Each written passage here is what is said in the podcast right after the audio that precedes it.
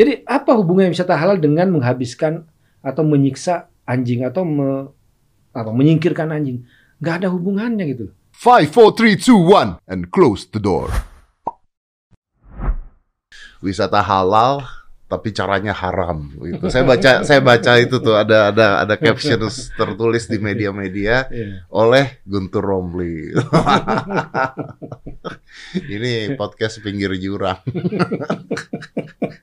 Karena saya nggak paham, saya nggak ngerti, makanya sekalian kita bertanya. Gitu dong, bener ya? Iya, bener ya, bro iya, ya? iya, iya. Karena Sherina Munaf kemarin juga eh, mempermasalahkan masalah tersebut, Iya. lalu diserang lagi. Mhm. Loh, itu di pasar Tomohon Mhm. anjing-anjing dimakanin. Iya. Di Manado itu makanan. Iya. Kenapa yang di Aceh aja kejadian seperti ini diributkan? Kan Hmm. anjing memang dimakan di Indonesia Iya. oleh sebagian orang ya, oleh Iya. sebagian orang. Nah, menurut ente gimana, Bro? Pinggir jurang ini ya. Pinggir jurang. Makanya gua nanya hati-hati banget. Pinggir jurang. Makanya juga komentar yang menolak juga dikutip. Iya, Nggak terlalu di pinggir jurang. betul betul betul. Tapi kalau saya pribadi I love dogs Hmm. gitu Hmm. karena buat saya dia binatang yang setia, bisa Iya. nemenin, bisa uh, berfungsi sebagai penghibur, Hmm. bisa psikolo secara psikologis Hmm. kita kebantu ke pribadi ya, personal opinion. Oke, kita mulai bahas dari satu-satu ya. Oke. Mulai dari komentar saya tadi yang Iya. saya tweet kemudian jadi berita yang kemudian lumayan viral itu wisata halal kok pakai cara yang haram. Betul. Yang haram yang saya maksud adalah melakukan penyiksaan terhadap binatang sampai mati. Hmm. Ya, dia nggak bisa bernafas. Ini kan cara yang haram, menyiksa binatang apa pun Hmm. binatangnya. Penyiksaan itu adalah suatu hal yang haram. Ini kita bicaranya binatangnya apa pun ya. Apa pun, apa pun. Karena sampai kita, eh, Bang Deddy, bicara soal misalnya adab menyembelih kurban Hmm. yang harus Oh iya harus sekali itu. Iya, sekali yang tajam betul, itu. Kemudian juga senjatanya nggak boleh dilihatkan kepada binatang itu, Iya. harus disembunyikan. Iya. Ada adab, ada adab. ada adabnya, ada tata caranya. Lah ini kok masukkan eh, sudah dirantai, kemudian dimasukkan ke dalam sebuah tempat, ditutup, dia kehabisan nafas, Tapi kata, katanya mati. klarifikasi dari Satpol PP-nya mengatakan bahwa si anjing itu Canon ya, Canon namanya ya. Iya. Si Canon itu tidak mati karena disiksa, mati karena stres. Ya. Ya sama aja sih Ya, stres. di dalam masukkan ke dalam suatu tempat ya tertutup panas nggak bisa nafas ya pastilah itu akan mati ya apa pun alasannya tapi ya itu fakta yang ada di, la- di lapangan ya. Nah kemudian saya mau komen soal wisata halal Oke. ini, Bang Deddy. Ini kan salah kaprah menurut saya. Di beberapa tempat wisata halal itu sebagai bentuk dari kampanye pariwisata untuk daerah yang mayoritas non Muslim. Misalnya di Jepang, kemudian di Taiwan, Oh. kemudian di Korea, kemudian di Eropa, mereka punya Muslim friendly tourism Oh, atau wisata halal. Tujuannya apa? point. agar orang Muslim atau orang Nggak Timur Tengah bingung-bingung nggak bingung. Ini daerah non Muslim, maka disebut dengan wisata halal. Ini sama seperti kalau Singapura ada Chinatown Ya, gitu ya. kan. Nah sekarang Aceh itu sudah menerapkan syariat Islam katanya. Wisata halal itu untuk apa? Wong itu sudah daerah disebut dengan daerah Islam. Kita ke Arab Saudi, kemudian ke Dubai, nggak ada yang namanya wisata halal. Kenapa? Di kawasan itu adalah sudah Islam. Ya, Jadi, point. Ini salah kaprah menurut saya. Jadi wisata halal untuk memberikan informasi kepada wisatawan ke tempat-tempat yang mayoritas bukan Islam untuk menunjukkan kepada mereka di mana tempat makanan halal, di mana mereka mau sholat. Itu gitu loh. Kalau di Indonesia mayoritas Muslim sebenarnya tidak membutuhkan soal wisata halal ini gitu. Sampai maupun kita misalnya ke mana? Ke Bali lah, kawasan yang katanya banyak non Muslim atau banyak apa gitu. babi panggang. Iya. Kita baru keluar dari bandara Bali dan pasar, mas sebelah kiri itu udah masjid besar. Makanan rumah Padang, makanan Jawa Timur, semuanya itu adalah halal gitu. loh. Iya, iya. Atau misalnya ke mana? Mau ke Ubud, Ubud Iya. yang katanya ada langganan saya di situ, ada sate warung muslimin. Udah jelas dari Eh, nama. tapi tapi kalau kita bicara aja di Iya. Bali yang yang yang tidak ah, tidak halal pun kelihatan kok. ya kelihatan. langsung gitu. babi panggang. Nah, itu kelihatan, kelihatan itu. kan. Nah, sekarang Bang, jadi wisata halal untuk apa? Oke, untuk siapa? oke. Itu itu pertanyaannya menurut saya. Itu Nah, yang pertama tuh ya. Kayak menurut saya, wisata halal itu bukan untuk wisatawan, tapi untuk kepentingan kekuasaan pemerintah daerah yang melakukan politisasi agama, politisasi Islam atas nama halal. Karena daerahnya nggak butuh, sudah nggak butuh soal halal, soal Islam udah banyak rumah makan, banyak masjid, Oke. tempat musola. Jadi buat apa eh, halal dipakai dipakai oleh pemimpin-pemimpin daerah yang menurut saya yang melakukan biar dianggap lebih Islam, dianggap Oke. perhatian kepada hal padahal bukan untuk Oke, kepentingan kalau kalau di. Bali Itu gimana? Kalau di Bali gimana? Ada perlu nggak wisata halal? Kalau saya tidak perlu, Ung, informasi Anda tinggal Google aja di map ya, Google Map itu kan. Hmm. Ketik mana rumah makan Padang setempat, mana masjid ya, mana tempat eh, apa yang yang bisa Karena kita dikunjungi. sudah terbiasa dari merdeka sampai sekarang sudah tahu ya Iya, mana yang halal tahu. dan mana yang Iya. haram. gitu rumah ya. makan Padang, masa kita tanya masuk rumah makan ini halal nggak? Waduh, itu kan mempertanyakan keislaman orang Padang gitu kan, atau ke Jawa Timur gitu kan? Ya, mau Iya benar benar. Labuan Bajo misalnya, saya ke Labuan Bajo. Labuan Bajo itu azan keras sekali di Labuan Bajo. Nah, iya. Buat apa ini yang yang Oke. eh, atau mau naik misalnya? Ini ini contoh pengalaman saya ya. Ke Ruteng katakanlah yang yang mayoritas Katolik. Saya pernah diundang Universitas Katolik di di sana di bawah apa eh, keuskupan. Ya, mereka udah tahu kalau saya Muslim berarti tidak makan babi. Iya. Saya bilang ini eh, apa makanannya eh, apa ikan. Ah. Saya eh, kami nggak mau ngasih eh, apa ayam karena takut nggak makan sembelihan eh, kami. Bilang, oh enggak dong. Dalam Islam boleh sembelihan ahlul kitab orang Kristen orang Hindu itu itu boleh Ya, boleh ya. dimakan sampai perempuan ahlul kitab pun nggak boleh kok dinikahi. Oh maksudnya Mas itu mau nambah nikah dengan orang eh, orang Flores orang Islam. Oh kalau itu enggak. Kalau itu saya soal takut bukan perintah Tuhan, dia bilang itu perintah larangan istri. Saya bilang.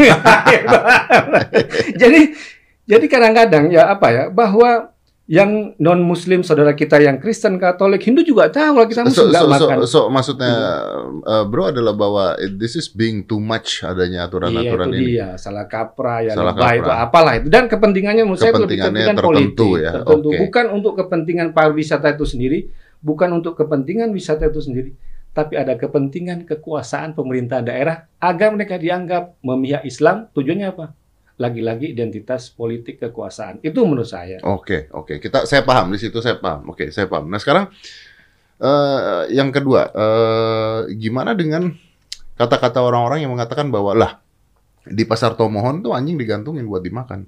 Ya. Di Manado juga buat Ya. dimakan dan kita tahu bahwa itu memang sudah dari zaman dulu dan Ya. saya nggak pernah ada masalah dengan budaya mereka juga ya. Maksudnya Ya. itu sebuah budaya terserah lah Hmm. gitu ya. Tapi Hmm. kan eh, memilih untuk memakan Ya. atau tidak memakan. Kenapa sekarang baru ini dihebohkan gitu? Eh, saya bersama teman-teman yang peduli kesejahteraan satwa ya sekarang kan ada teman kami tuh Doni ya yang dari Animal Defender yang juga berangkat ke Aceh Hmm. Ya, ya, Dan ya, ya. kami punya kampanye itu tidak boleh makan daging anjing. No untuk eh, apa dog meat. Hmm. Kami kampanyekan. Is Termasuk is juga this for- Sherina, is- Sherina juga bagian dari kampanye. Is this for Muslims or for everyone? Semuanya, For everyone. semuanya. Ya. Why? ya karena anjing itu adalah sahabat manusia. Ya masa sahabat makan sahabat gitu kan.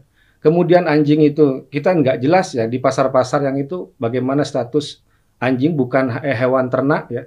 Kalau misalnya seperti eh, ayam, kambing, sapi kan kelihatan dia dia harus eh, standar kesehatannya bagaimana, peternakannya bagaimana, sampai juga masalah ke babi juga kan untuk dikonsumsi Hmm. itu kan ada syarat-syarat. Anjing kan nggak ada. Mungkin ngambil anjingnya dari mana? Liar, bisa Bisa bisa, anjing jadi orang. penyakitan atau anjing mencuri atau anjing Hmm. orang. Ini yang terjadi di Hmm. pasar itu gitu loh. Dan kami kami anti dengan namanya makan daging anjing gitu loh. Dan ini yang ya kita lihat Ini di luar agama ya, bro? di Ya? luar agama, di luar agama. Ya kita kan aliansi semua semuanya orang Islam di situ, ada orang Kristen, orang Hindu. Kita kampanyekan bahwa stop untuk mengkonsumsi daging anjing. Oke, oke. oke. Jelas itu. Jadi bukan hanya soal di Aceh kan. Ya kami juga akan eh, kontra dengan mereka yang ya orang Solo misalnya kan ya mohon Hmm. maaf ini ya. Hmm. Ada Sengsu dulu di situ. Hmm. Tongseng Tongseng asu. asu. Ya, atau ada jamu atau Oh, apa. iya, iya. Nah itu itu kan bukan bukan agama dan bukan budaya setempat. Ternyata ini ada gitu loh. Budaya makan anjing dan kita kampanyekan lewat pendidikan juga lewat apa eh, advokasi sosial. Janganlah makan anjing karena anjing adalah sahabat manusia. Kemudian Iya. juga nggak jelas tentang kesehatan daging Oh, tersebut. iya, iya, iya. Kucing, anjing itu kan bukan hewan ternak ya dalam kategori di aturan eh, kita. Yang ti, yang jelas kalau hewan ternak jelas dia harus bagaimana peternakan, kesehatan dan sebagainya kan. Kucing, anjing kan nggak masuk Iya, iya. situ. The funny thing is Iya. adalah bahwa eh, Indonesia itu kalau tidak salah masuk ke dalam se- eh, peringkat teratas penyiksaan hewan. Nah, di ya. dari BBC juga Ya, dikeluarkan, dari Asian Defender juga dikeluarkan, Ya, ada Asia for Animal uh, Ya. Coalitions ya. Ya. mengatakan bahwa Indonesia itu adalah peringkat tertinggi untuk penyiksaan Iya. hewan yang dibuat untuk membuat konten konten, Hmm, lucu. Iya, konten Nah, lucu. Hmm. Jadi orang-orang ini kadang-kadang nyiksa hewan untuk bikin konten. Hmm. Banyak yang melakukan itu banyak sekali. Jadi Hmm. itu gua tahu bahwa itu, itu riset itu eh, di riset dan ternyata dari 5.480 konten yang dikumpulkan itu 1.600 lebih kontennya itu penyiksaan hewan yang berasal dari Indonesia Hmm. Hmm. gitu. Demi konten. Hmm. Dan kami punya video investigasi soal pasar gelap daging anjing. Itu anjing itu ya yang di, dibunuh itu nggak dibunuh secara normal. Mungkin diketok kepalanya ya. Dia belum mati, kemudian dia dibakar pakai apa itu gas biar bulunya itu habis dalam keadaan dia sekarat. Semuanya bentuk penyiksaan itu daging daging anjing yang dikonsumsi ya. Yang ada di Jakarta kami ada video investigasi untuk itu dan kami serahkan. Nah, untuk Ah. khusus di sini kami bilang ini harus dilarang untuk perdagangan daging anjing. Karena sumber anjingnya nggak jelas, hasil hasil nyuri lah, atau kesehatannya nggak jelas lah dan sebagainya. Gue gue gak ngerti deh itu katanya ya karena saya juga nggak paham makanya saya Iya. juga nggak berani banyak ngomong karena saya nggak paham. Tapi katanya tuh kalau anjing itu disembeli secara biasa seperti hewan ternak makan itu rasanya beda makanya harus dipukulin dulu dika- dikarungin. Ada ada yang ada yang mengatakan Ya semua seperti itu. mitos. Dibilang darahnya nggak boleh Iya, iya, keluar. benar kan, benar kan. Atau Nah. daging itu daging anjing itu bikin kuat. Oh. Bahkan ada dalam zaman Covid kita bisa apa melawan Covid kan ada yang Iya, iming-iming iya, kayak gitu iya, juga. Iya, Itu iya. kan semua mitos yang itu membenarkan penyiksaan terhadap anjing. Tidak ada yang normal ya, yang berdaging anjing pasar gelap yang ada di Jakarta ini nggak ada yang Iya. normal, nggak ada yang legal. Dan kita di sini nggak bicara anjing, kucing juga begitu. ya kan, kucing gitu. semua Ya, lah ya, yang, ya. yang hewan peliharaan domestik lah ya, peliharaan ya, itu ya. domestik ya. Ya, Oke. itu yang yang kita tentang. Jadi bukan hanya soal Aceh, soal kasus Canon enggak, kita banyak teriak soal kesejahteraan satwa khususnya satwa-satwa yang domestik gitu loh. Ah. Dan kami kami juga kampanyekan misalnya ada eh, binatang yang harusnya dia di alam bebas kemudian Hmm. didomestifikasi ya. Hmm, Mau namanya monyet, yang Hmm. mau namanya apalah.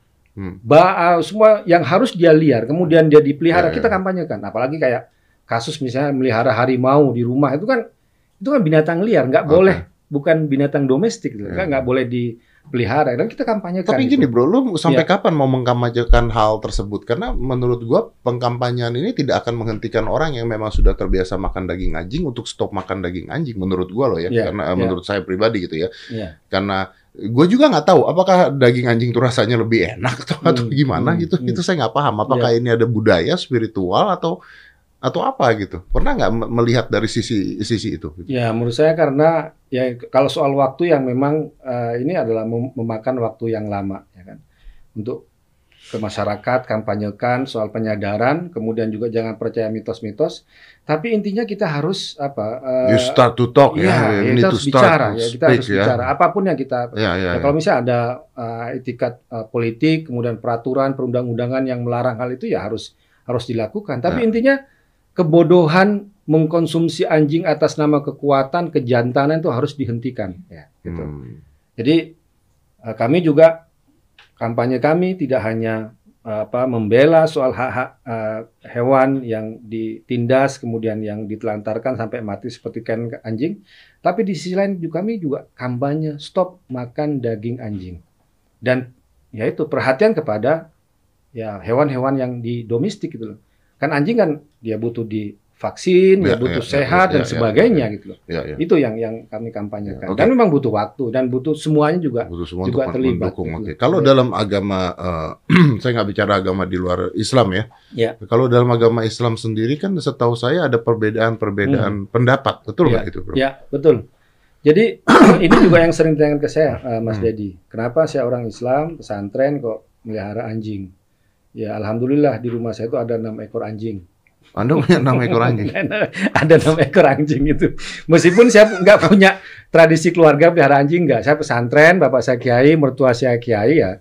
Tapi kemudian saya ngelihat yang menarik bagi saya itu eh, waktu saya mondok ya ada di situ. Ya, ini cerita tentang Ah, anjing sebelum kita oke, soal oke, paham oke, ya, oke. soal pribadi ya. Eh, ada pelajaran di pondok itu, namanya kita sebut dengan mutola. Mutola itu kalau dalam eh, bahasa Inggris seperti reading lah ya Hmm. kita dikasih ada uh, apa uh, cerita cerita tentang anjing. Saya masih hafal itu. Al kalbu hayawanun aminun yahrusul manazila wal mazari'a wa yusa'idu sayyada waqta saydi wa yuhibbu sahibahu wa yuti'uhu. Jangan diaminkan. Karena Saya masih nunggu nih. Saya masih nunggu nih. nanti dikira doa. Nanti dikira doa. Al-kalbu hayawanun aminun. Anjing adalah hewan yang setia. Yahrusul manazila wal mazari'a. Dia menjaga perumahan dan pertanian. Uh, Wa yusa'idu sayyada waqta saydi. Dia membantu pemburu saat berburu.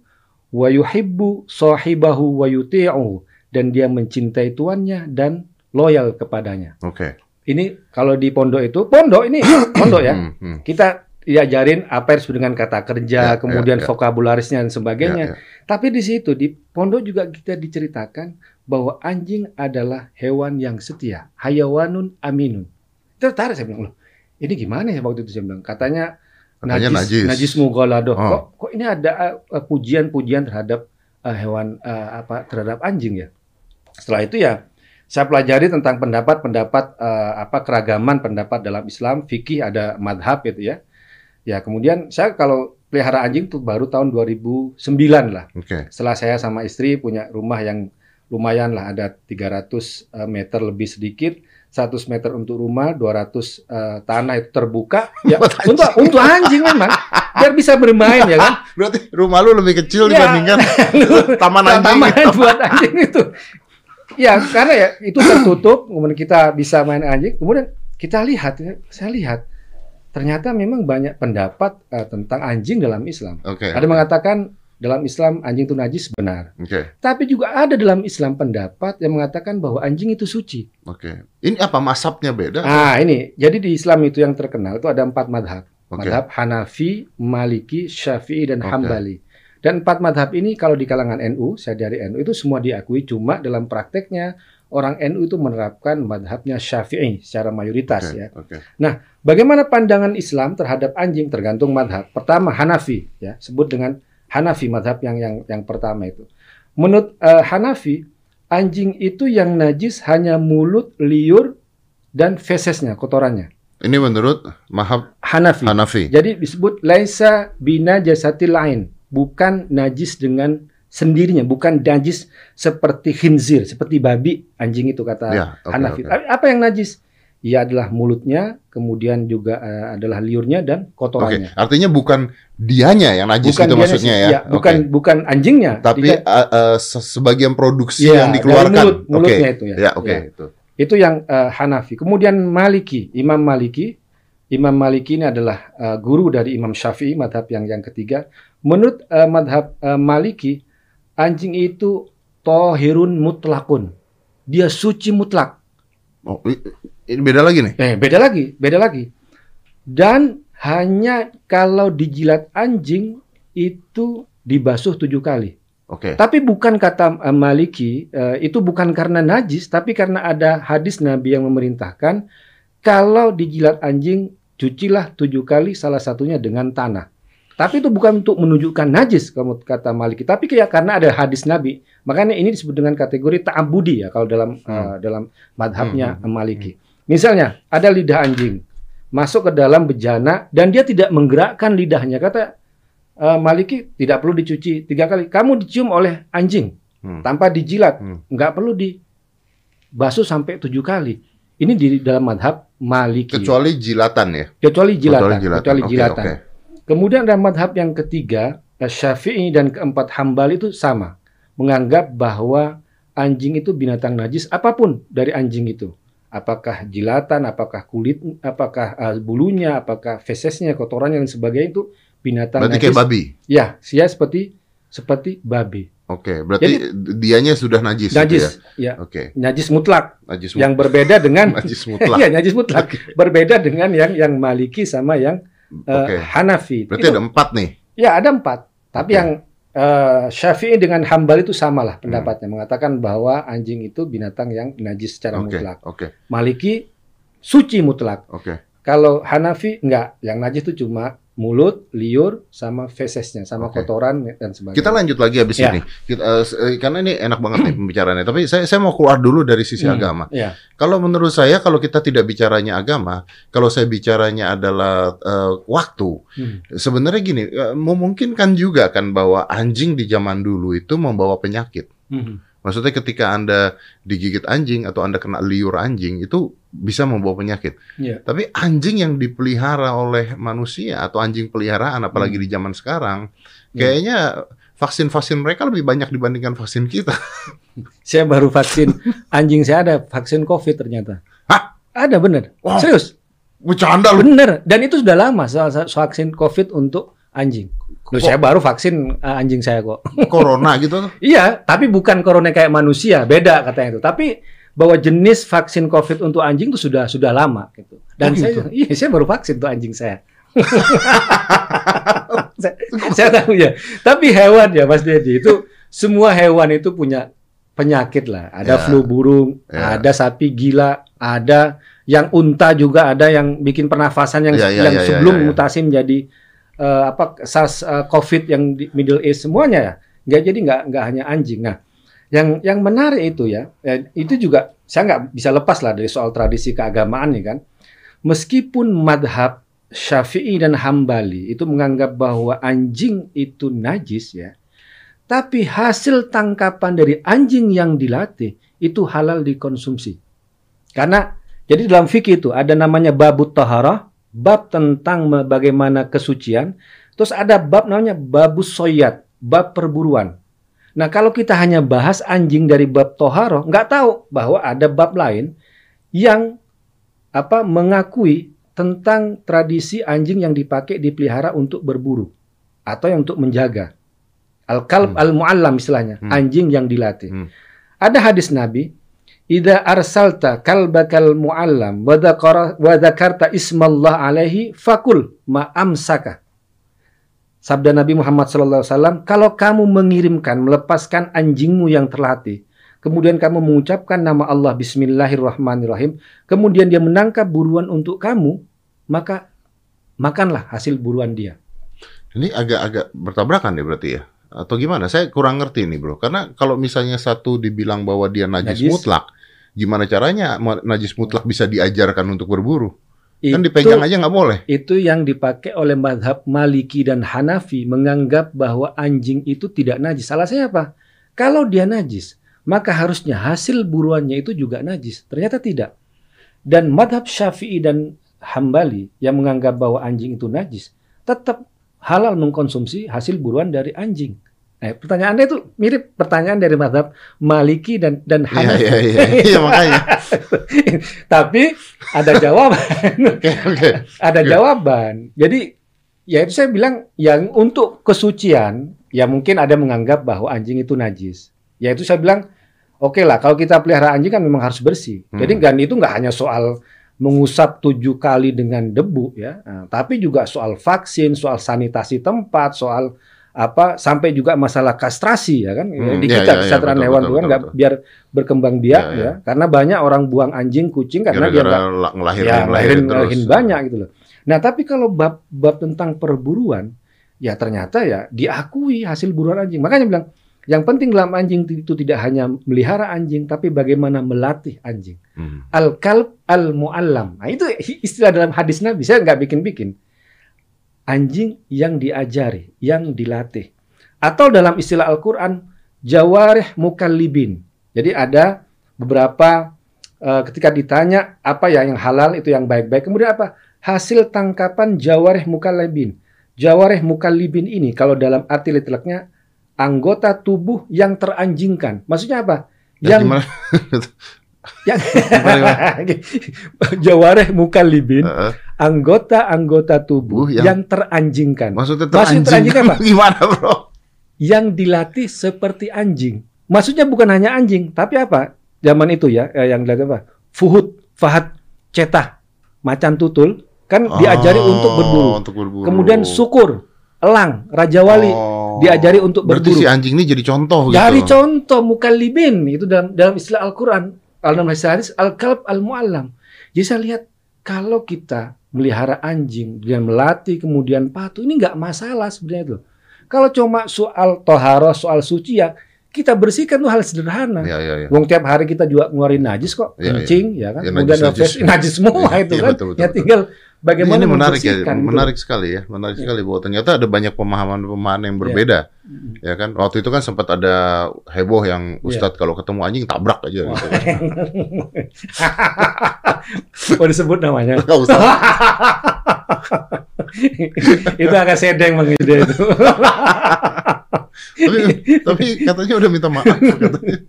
Loh, ada cerita, ada hadis ya, bukan cerita. Perempuan yang ahli ibadah, ibadahnya bagus, tapi dia masuk neraka hanya karena dia menyiksa seekor kucing. Oh. Ada hadisnya itu. Itu kan Jadi juga ada hati-hati cerita orang yang memberikan minum Ya, anjing. pelacur ya, Pelacur, PSK iya, ya itu kan, ha. ya memilih untuk mengasih eh, minum Iya, iya. pada anjing. Ketika itu perdebatan di akhirat, malaikat eh, Malik eh, apa mau narik dia ke neraka, malaikat Ridwan mau narik ke surga. Kemudian ada perintah dari Allah Subhanahu wa taala dia sudah mau bertobat, kemudian memberikan kasih sayangnya kepada seekor anjing yang dianggap najis, dia masuk surga. Ini kan cerita yang sangat terkenal sekali ya. Iya, Selain iya, juga betul, fakta-fakta sosial dan budaya. Sempat Gitu kok waktu itu sempat keluar Ya. berita di mana di Indonesia tuh juga ada wanita yang bercadar Oh ya. yang memelihara atau Ya, saya kenal ya. Ya, eh, ya. 70 Di Pamulang kemudian sekarang di Bogor itu. Iya, 70 anjing kalau Iya. nggak salah dia dia pelihara Hmm, itu hmm. itu. Sempat Iya. hebohnya sempat seperti itu. Dan uh, di, di Arab sendiri bukannya saya pernah baca berita ada restoran Ah, ini yang menarik. yang menarik ini, Bro. Ini yang menarik. Arab Saudi ini sudah mulai terbuka. Jadi ada pantai untuk orang bikini ya. Kemudian ada kafe temanya anjing gitu. Arab Saudi makin terbuka. Kok di Indonesia ada yang mau niru Arab Saudi yang zaman lama gitu loh. Ini saya ironis ya, ironis. Tapi itu itu itu yang yang terjadi. Dan balapan anjing, anjing saluki jenis rasnya Ah. itu di di Arab itu jadi tradisi Arab sampai sekarang. Sekarang mau di Arab Saudi, kemudian Uni Emirat, kemudian di Bahrain rata-rata Arab Teluk, mereka punya tradisi balapan anjing. balapan Eh, anjing bukannya dulu kita punya greyhound ya? Tahu nggak? balapan anjing. Di sini di Indonesia. iya, di, coy. di Ancol tuh dulu ada greyhound namanya. Jadi Oh. ada kelinci-kelincian tapi Oh, dari iya. mesin diputer Hmm, gitu terus hmm. anjing anjing balapan itu. Nah, itu- namanya greyhound gitu. Itu persis yang seperti di Arab sana itu, ngejar itu. Di di- Balapan di- itu. Nah iya ya benar benar benar. Jadi jadi ini kan jadi kayak pacuan kuda Iya, gitu kan iya. maksudnya kan? Jadi sebenarnya kalau dianggap saya bilang, wah kamu pelihara anjing kayak orang Barat, loh saya bilang, nggak ada hubungannya pelihara anjing dengan budaya Barat. Atau Arab juga melihara anjing, bilang. Sampai sekarang tradisi itu tak ada. Ataupun juga misalnya kita lihat di Sumatera Barat misalnya, saya baca cerita bagaimana seorang laki-laki yang, yang yang dianggap dewasa di Sumatera Barat, ketika dia memiliki seekor anjing jantan, ya cuma kan rumah di Sumatera Barat itu kan dia panggung ya, Hmm. jadi dia nggak masuk ke rumah Hmm. kanjingnya ada ada di bawah, kemudian dipakai untuk berburu dan jadi kebanggaan gitu. Dan dan biasa gitu. Iya iya iya. Dan anjing di rumah saya juga tidak masuk ke rumah sih, dia memang memang di luar gitu loh. Iya iya. iya. Tugasnya ya di luar lah, di luar di luar rumah gitu. Tapi sekali-kali lewat mah pasti Oh iya pernah ada. pasti. Nggak mungkin nggak lewat. kan. Iya. Ya, saya tuh dulu waktu kecil sama ayah saya tuh suka nonton di Ancol. Hmm, Ada ada eh, bukan di adu anjing ya beda ya. Iya. Adu anjing kan yang berantem. penyiksaan Oh, itu itu, iya, penyiksaan iya, kan. Itu penyiksaan kan kayak itu. sabung ayam gitu kan. Hmm, Kalau ini iya, nggak iya. ini bener-bener pacuan. Coba deh, Tia munculin sini dong. Nah, ini ada nih tuh kan bener kan dapat kan. Jadi memang ada pacuan anjing dulu tuh Oh, ada pacuan iya. Nah, ini nih, ini Bro. Iya. Sini, Iya, Bro. iya. Oh. Coba. Nah. Nah, itu Iya, tuh, iya, tuh. iya. Coba aja. Pacuan anjing yang terletak di kawasan Gor Senayan. Ah. Tuh. Arena balap anjing ini di Gor Senayan eh, tahun dibuka tahun 73 ditutup tahun 78. Waduh. Ini tradisi di Arab masih sampai sekarang dan hadiahnya miliaran loh. Ah, dia Bisa ini- lihat, dia- lihat aja di, di YouTube. Ada Arabian Saluki Race itu ada itu. Miliaran hadiahnya itu. Oh, berarti memang anjing pacu ya? Memang anjing bacu. Rasnya namanya ras Saluki dan sangat terkenal di sana itu. Oh, dan dilatih ya? Dilatih. Dilatih di sana kan ada elang, ada anjing dilatih untuk untuk balapan sama berburu kan. Iya, Ya, kadang mereka ngelempar apa eh, ngejar kelinci untuk nangkap itu mana yang paling ini. Terus ada juga rusa ya yang kalau lihat itu kan ya di Mm-mm. apa diikat pakai mobil, kemudian mobilnya kemudian dia lari kan anjingnya ikut ngejar gitu. Hmm. Itu, itu itulah yang yang, yang race-nya itu. Oke, bro, kalau kita balik ke eh, wisata halal tadi ya, Hmm. terus dengan eh, satpol pp kan ada klarifikasi dari Hmm. bukan semua satpol pp, tapi yang Iya. ada di yang pada saat itu ke- kejadian ada di Iya. sana kan mengatakan bahwa ini bukan penyiksaan karena Hmm. eh, videonya pun kan cuma dia Iya. ng- ng- Iya. nangkep anjing itu gitu kan, meninggalnya karena stres gitu kan.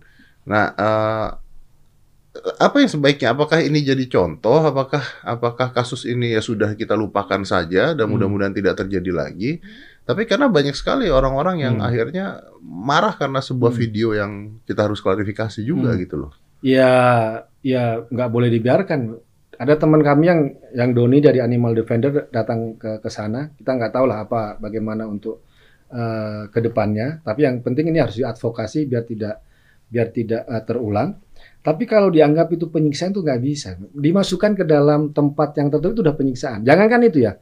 Kita nih pelihara anjing, kemudian anjing kita ditaruh di kandang terus menerus nggak Oh, pernah iya, dikeluarkan. iya, iya. Itu adalah penyiksaan. Meskipun ah, kandangnya besar. Iya benar. Dan itu bikin stres, bikin Iya benar. anjing itu kenapa Malah anjing marah? yang gigit orang tuh yang Iya, begitu ya tuh. itu karena diikat terus, Iya. karena dikandangin Iya, terus, iya. itu. Jadi yang salah memang memang tuannya bukan bukan anjingnya gitu. Dan Iya, benar. mengikat anjing dan saya kita sampaikan ke orang yang punya anjing ya punya pencinta anjing. Tapi kalau masih mengikat anjing tiap hari, mengkandangkan anjing itu adalah Sama aja. penyiksaan terhadap anjing itu. Iya betul. Dan betul. kita tolak dan kita sampaikan bahwa bagaimana cara memelihara anjing yang yang benar gitu kan. Dan ini juga harus eh, apa ada sisi yang ya dia mencukupi ya kebutuhan anjing itu Ya, termasuk ya. juga secara psikologisnya nggak boleh di abuse. Saya gitu tuh kan. dulu kan punya eh, German Shepherd ya. herder eh, gede-gede eh, ada dua tiga biji Hmm. Nah, karena saya nggak punya halaman pada saat itu rumah Hmm. masih masih yang rumah lama belum punya halaman jadi si anjing German Shepherd itu di rumah ke dalam rumah. di dalam rumah dan kalau mau pup kan dibawa pagi-pagi Iya, kan ada iya, jam-jamnya iya. tuh kan ada Iya. jam-jamnya gitu nah terus kalau kadang-kadang dia kalau naik naik keranjang juga Iya, itu iya. German Shepherd kan gede Iya. banget tapi saya punya kandang Hmm. di dalam rumah Hmm. kandang yang lumayan besar. Jadi memang eh, makanannya kita taruhnya di kandang. Hmm. Jadi kalau dia Hmm. makan tuh dia tahu bahwa dia akan ke Hmm. kandang sendiri gitu. Iya. Jadi se- ada kandang yang di yang di Hmm. yang dibuat untuk dia untuk eh, momen-momen tertentu. Hmm. Hmm. Kan kadang-kadang kan kalau misalnya ada tamu yang Iya. yang takut banget gitu kan, dia masukin kandang. Udah gitu kita buka lagi gitu. Iya. Kita buka lagi dia muter-muter lagi. gitu. Ya, saya di rumah juga ada herder itu. Oh, oh. siapa? Dan datang ke rumah kami itu udah udah tua, usia 4 tahun. Dibilang ini kalau herder agresif ganas enggak tuh. Enggak, enggak. Tergantung gimana kita mau ini dia itu loh. Bro, anak saya, Hmm. anak saya si Aska itu pada Hmm. saat bayi Hmm. yang jagain tuh German Shepherd. Zaman siapa? iya loh. Iya bener. Dia tuh di dalam kamar eh ngeliatin gitu, ngeliatin dan dia bisa diem kan? Hmm. Si German Shepherd tuh kan Hmm. bisa Iya, diem iya, gitu, diem. diem gitu. Hmm. Itu kalau ada orang mau masuk ke kamarnya Aska waktu Hmm. kecil, diliatin sama dia loh. Orang udah mundur dulu. Iya, diliatin sama dia gitu. Jadi tergantung gimana Hmm. tuannya sebenarnya untuk ngajarin. Jadi anjing emang bener-bener sahabat manusia yang yang setia ya. Ya, ya, Polisi satwa juga ada kinai. ya. Saya kemarin baru Gitu. masukin ke Instagram. Hmm. Eh, saya tidak mau banyak bicara sejak Hmm. kemarin, tapi saya posting di Instagram. Hmm. Jadi berita yang satu yang penyiksaan hewan itu, terus posting kedua saya dari kepolisian K9 itu Hmm. Eh, ada salah satu anjing dimakamkan secara militer di Hmm, Indonesia, Indonesia. di Indonesia karena dianggap eh, pahlawan buat Hmm. buat mereka. Iya, iya. Jadi Hmm. K9 aja polisi-polisi Iya, itu, itu dia. menggunakan bantuan K9 Iya. gitu. Ya, anyway, kita ini ada hukumnya nggak sih tentang penyiksaan hewan ini? Ada di KUHP kita itu ada soal eh, penyiksaan terhadap hewan. Saya lupa pasal berapa, tapi teman-teman yang berangkat ke Aceh itu dibekali itu dengan para penasihat hukum ya. Intinya Hmm. bahwa eh, eh, penyiksaan terhadap hewan itu tidak hanya salah secara norma sosial, norma agama, tapi juga ada ancaman pidananya. Oh ya, Ancaman pidananya ada. ada ancaman pidana. Ada, ada ancaman pidananya itu. Oh. Nah, kita bisa masuk ke situ. Siapa pun yang melakukan penyiksaan terhadap hewan, ya, terutama kepada hewan domestik, maka dia bisa didakwa dengan dengan pidana. itu. Beda lagi nih ya, hewan domestik beda lagi ya. Ya, penyiksaan terhadap hewan ya, ya, apakah itu kucing atau atau ataukah anjing Ya, ya, gitu ya. kan, yang peli- eh, hewan peliharaan Iya ya. itu bisa di- dipidanakan tuh. Oh. Bahkan ada sebelumnya kan ada kasus yang nembak kucing kemudian di dihukum juga ada. Oh itu. iya iya iya. Ada iya. itu. yang pakai senapan Ya, angin nggak itu. salah itu ya. Itu kan bisa bisa di dihukum. Oh. Nah, Eh, saya yang yang yang orang nembak kucing itu ya. eh, why ya? ya orang gila. sakit. Orang sakit loh. Kucing gak ada apa-apa kok ditembak. Itu kan kalau nggak sakit apa jawabannya itu? Dan sakit ya harus ya dia harus masuk ya dia masuk penjara lah biar belajar gitu kan. Lu binatang nggak ada salah nggak apa ditembakin maksudnya apa itu kalau nggak sakit kalau berarti ada yang nggak normal di di saraf dia itu kan nggak ada penjelasan nah kalau yang Aceh menurut saya ini ya yang menugaskan lah satpol pp itu kan tugasnya bukan untuk evakuasi anjing tuh kan ada sebenarnya dinas lain ya ada apa dinas apa namanya kalau kalau Iya iya. pemerintah Bahkan daerah penyelam, harus ada penyelamat. Iya, itu kan. Iya, iya. dan kan tidak harus dipaksa kan dan itu nggak ada pemiliknya lagi bro anjing itu san- sangat loyal kepada pemiliknya kalau kata pemilik masuk kandang masuk, Masuk. kandang ini ini nggak ada dipaksa diambil terus saya baca pemiliknya juga katanya menawarkan tapi tunggu berapa hari mau diambil ya kan mau dipindahkan ke mana ke Medan atau ke mana yang yang saya baca ya jadi memang ini diambil paksa dan orang yang mengambil itu juga nggak tahu bagaimana caranya Iya. kemudian yang memerintahkan, kemudian dasar wisata halal anjing itu dihilangkan itu itu nggak ada ceritanya bro. Di, Oh. saya contoh di Arab Saudi, di Emirat, di itu nggak ada namanya atas nama wisata halal olahraga anjing tiba-tiba dilarang nggak ada sampai sekarang masih ada kok. Zaman Covid lihat aja deh YouTube terbaru dari mereka itu Arabian Saluki Race. Zaman Covid juga masih ada olahraga anjing di Arab Saudi itu dengan ha- hadiah yang luar biasa gitu. Jadi apa hubungannya wisata halal dengan menghabiskan atau menyiksa anjing atau me- apa menyingkirkan anjing? Nggak ada hubungannya gitu. Nggak ada hubungan sama sekali gitu. Ya apalagi saya bilang wisata halal di daerah yang sudah jelas Islam buat apa gitu loh. Apa tujuannya? Ya kalau ini kalau ini eh, ya kalau ini agak lucu sih. Ya, ya. Ini nih. Kalau di Singapura boleh lah. Ya, ya, ya, di betul. Jepang, Betul, Taiwan, di Eropa, Korea oke. Ya, ya, ya, Masuk ya. akal. Masuk akal Masuk ya. akal, bro. ya. Kayak orang masuk pesantren ya kan. Masih nanya, ini lembaga Islam atau enggak ya? Kok enggak ada tulisan Islamnya, hanya pesantren dengan namanya bla. Kan? Ya, Iya kan? Anda yang harus dipertanyakan. Itu. Iya iya iya. Ya benar sih memang sih. Emang benar sih kalau itu benar. Maksudnya ya gue gua ketika gue mau alaf aja ada orang mau ngasih makanan aja mereka tahu kok gitu. Ya, Mereka tahu dia. bahwa ini nggak Itu. makan ini kan, nggak makan Iya. ini gitu. Dan nggak usah begitu, kita ke restoran aja kita tahu gitu loh. Iya, Ilmu Iya. kita tuh udah sampai segitunya Iya. gitu. iya. Oh, belum lagi kan ada cap MUI kadang-kadang. Halal. kan ada capnya tuh kan. Itu perbincangan lain lagi kan.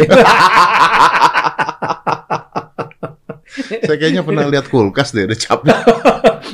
Kulkas, makanan kucing, Iya, kayaknya saya pernah lihat ada, ada. makanan kucing dan lain masa semuanya mau dikasih label halal itu kan. Maksudnya apa gitu loh.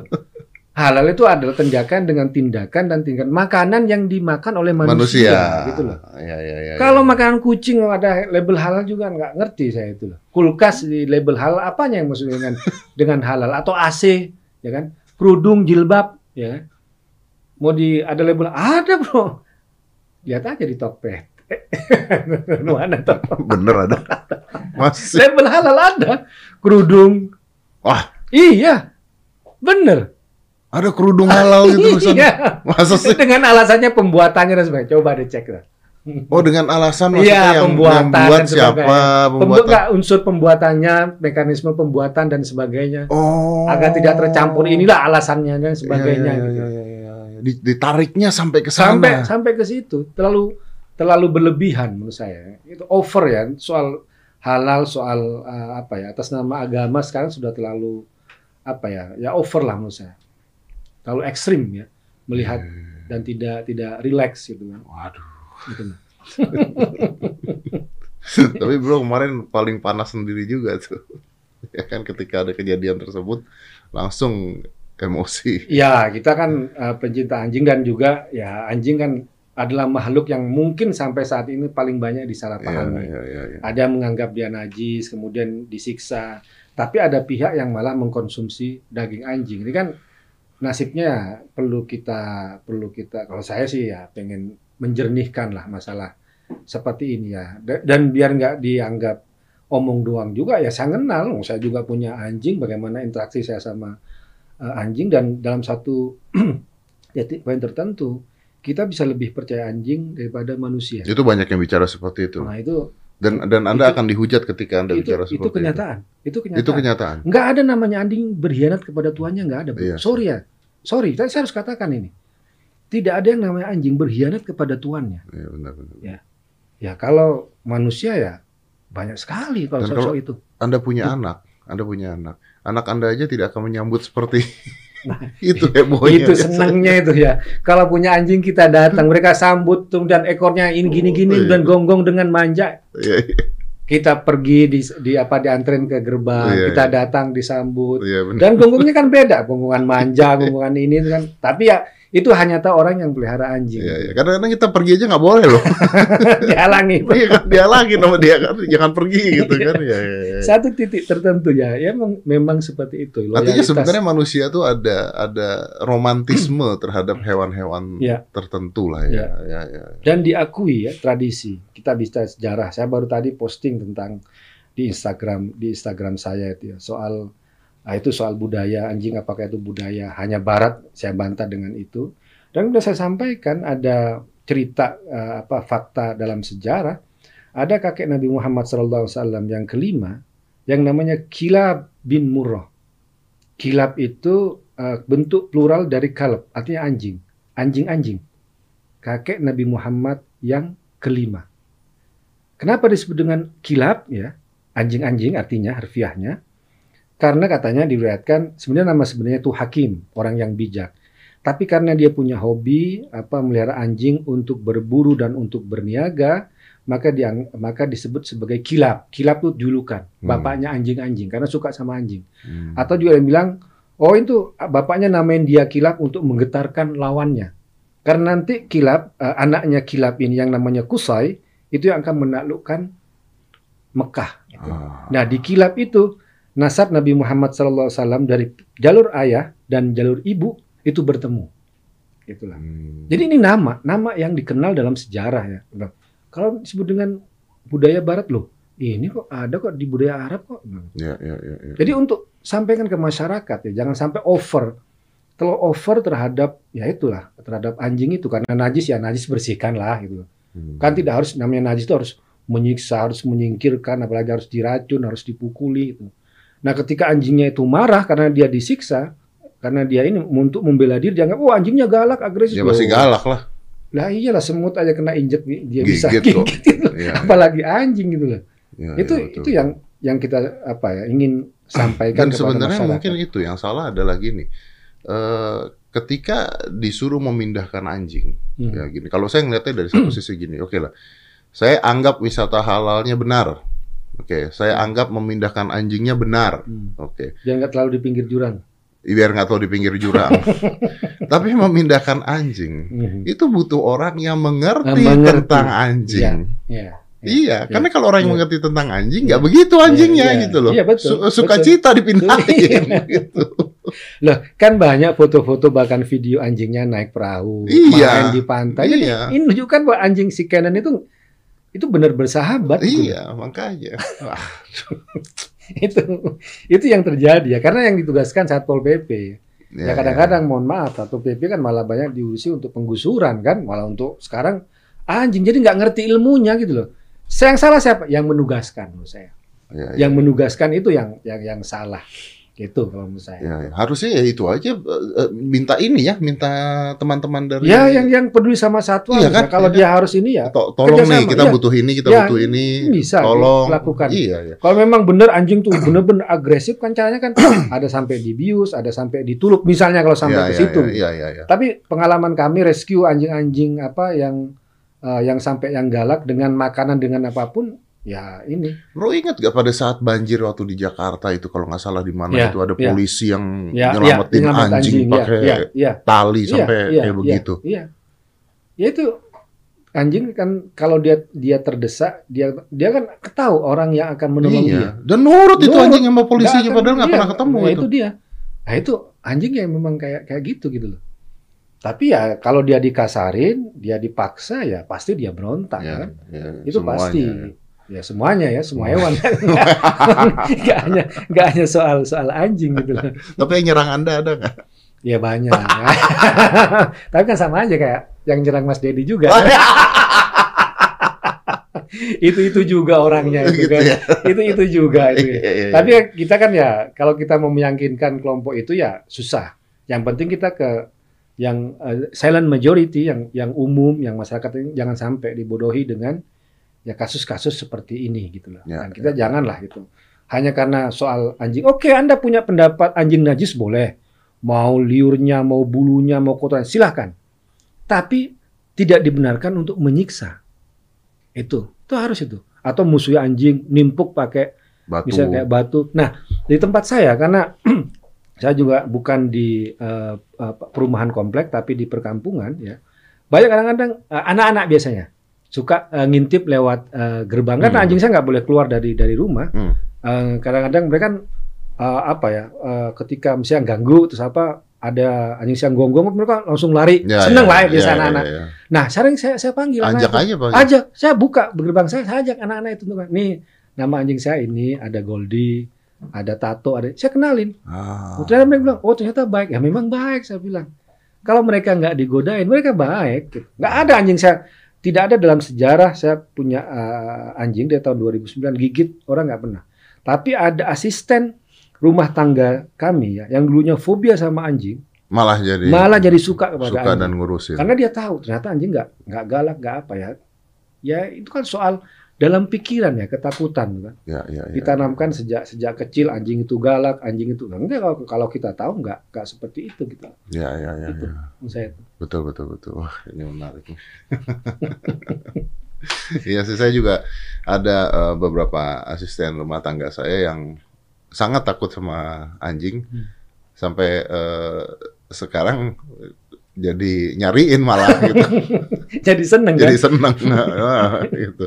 Ya di luar kalau najis ya dibersihkan lah Iya. intinya seperti itulah. Hangat lah sangat hangat. Iya, Dan kita ya saya juga ya eh, orang tua saya bapak saya kiai kalau datang ya di rumah saya tetap ada ada kandang ada Hmm. kandang besar besar kalau orang tua saya datang ya saya masukkan Iya, iya, iya. tapi apa ya yang saya hormati Iya. bapak saya kiai kemudian dia eh, yakin dengan najis anjing saya kan hormati itu Ya, ya. nah ini juga yang perlu bagi orang yang katakanlah pelihara anjing kan juga harus toleran Betul, kan. betul, betul. Kita juga harus toleran. tetangga iya ada punya anjing tapi anjingnya keliaran dari Itu juga nggak boleh tuh. nah itu Itu ya nggak boleh. nggak itu. boleh memang itu buang kotoran di mana Nah, kencing atau itu yang lama-lama Nah. merusak nama baik anjing Nah, itu. itu, Hmm, benar. itu, itu, itu. Nah itu kita juga introspeksi Ya, ya, ya, ke ya, orang ya, yang ya. katakanlah ya anjing atau ada anjing pelihara anjing yang gaya-gayaan Mas Dedi. Apa itu? Ada anjing gaya-gayaan beli yang ras yang terbaru beli habis itu bosan dibuang atau dikasih. Banyak yang kayak gitu. Dan kita perlu edukasi itu. Oh. Dia hanya pengen beli punya show off Wah, so iya beli ras yang apa baru, Gokil. ras lah ya. Mahal, hanya pengen buat konten di Oh. post di Instagram. Oh. Setelah dia bosen, ya karena Emang mungkin karena dia memang tidak suka ya nggak anjing. suka anjing, ya kemudian Iya, betul. dibuang. Banyak kejadian kami di situ rescue anjing-anjing atau ngambil yang sudah tuannya itu udah kewalahan. Hmm. Karena dasarnya bukan karena dia cinta sama anjing ya, tidak bukan karena suka sama anjing, tapi karena mungkin ada yang udah tua dibuang loh. ya atau yang yang tua gitu. Iya kan ada yang seperti Nah, makanya itu kita- juga. di eh, apa eh, lembaga Se- kesejahteraan satwa itu kita malah dorong orang untuk tidak membeli anjing tapi adopsi Ya. apa pun rasnya itu di Ya. rumah saya ada juga yang mix yang kampung rata-rata Ya. memang ya orang sudah buang atau apalah gitu kita dari dari jalanan gitu diadopsi. lah diadopsi itu yang Diadopsi, oke. ya kalau orang berpikir gini semua nggak ada kejadian-kejadian penyiksaan anjing atau penyiksaan hewan Nah, apa pun hewan. dan semuanya itu kan karena orang banyak yang yang tidak tahu Ya. Ya, itu yang yang tidak tahu katanya uh, ada kutipan Arab itu annasu a'da'u ma jahilu bahwa manusia itu cenderung memusuhi yang tidak dia Ya, ketahui ya, ya, ya. Itu masuk akal. Iya. Karena kita tidak suka hal-hal yang kita tidak tahu atau Ah, berbeda itu. dengan kita. makanya Betul. nonton ini podcastnya Deddy Corbuzier Alhamdulillah. ya, ini bentuk dari ya ini ya kan penyampaikan informasi, Informasi. Kepada, kepada masyarakat kan Iya, pentingnya kan di di situ ya Iya betul betul betul. loh. Bro, thank you banget ya bro ya. Sama-sama. Agak-agak pinggir jurang. tapi enggak lah aman semua aman, aman, aman, aman, aman, aman, aman. kita kutipkan apa dalil saya bawakan Iya, misalnya iya, kayak betul. kitabnya sama ininya kan semuanya punya dasar saya nggak bikin-bikin ya Iya, soal pendapat-pendapat dalam Islam punya dasar. Dan Anda juga mengatakan toleran juga kalau Ya. punya anjing juga jangan buat nakut-nakutin Ya, orang atau jalan itu. di luar. Itu, Nah, itu, itu. itu, Jadi itu dari dua sisi lah ya. Dua sisi Menghargai juga orang yang penting. memang yang menganggap najis ya udah najis ya, Ya. kita juga jangan sengaja Ya, gitu betul, kan intinya betul, ya. betul. Ya betul. toleran dari semua arah Ya, intinya ya. ya. Hmm. Bro, thank you. Terima kasih sekali Sama-sama. lagi. Thank you. Ini mencerahkan sekali. Eh, ya mudah-mudahan hal seperti ini nggak terjadi lagi karena hati-hati sekarang itu medsos sudah kalau zaman dulu kejadian gini nggak tahu orang. zaman sekarang jadi gini, buar heboh langsung. Buka berita isinya cuma anjing, satu lagi Russell V-nya. itu, itu doang beritanya. Penyiksaan, terus HCV-nya ditangkap, plat nomor palsu, kayak gitu-gitulah. Apalagi gua nggak ngerti lah beritanya itu semua sekarang. Thank you brother ya. Oke. Five, four, three, two, one, and close the door.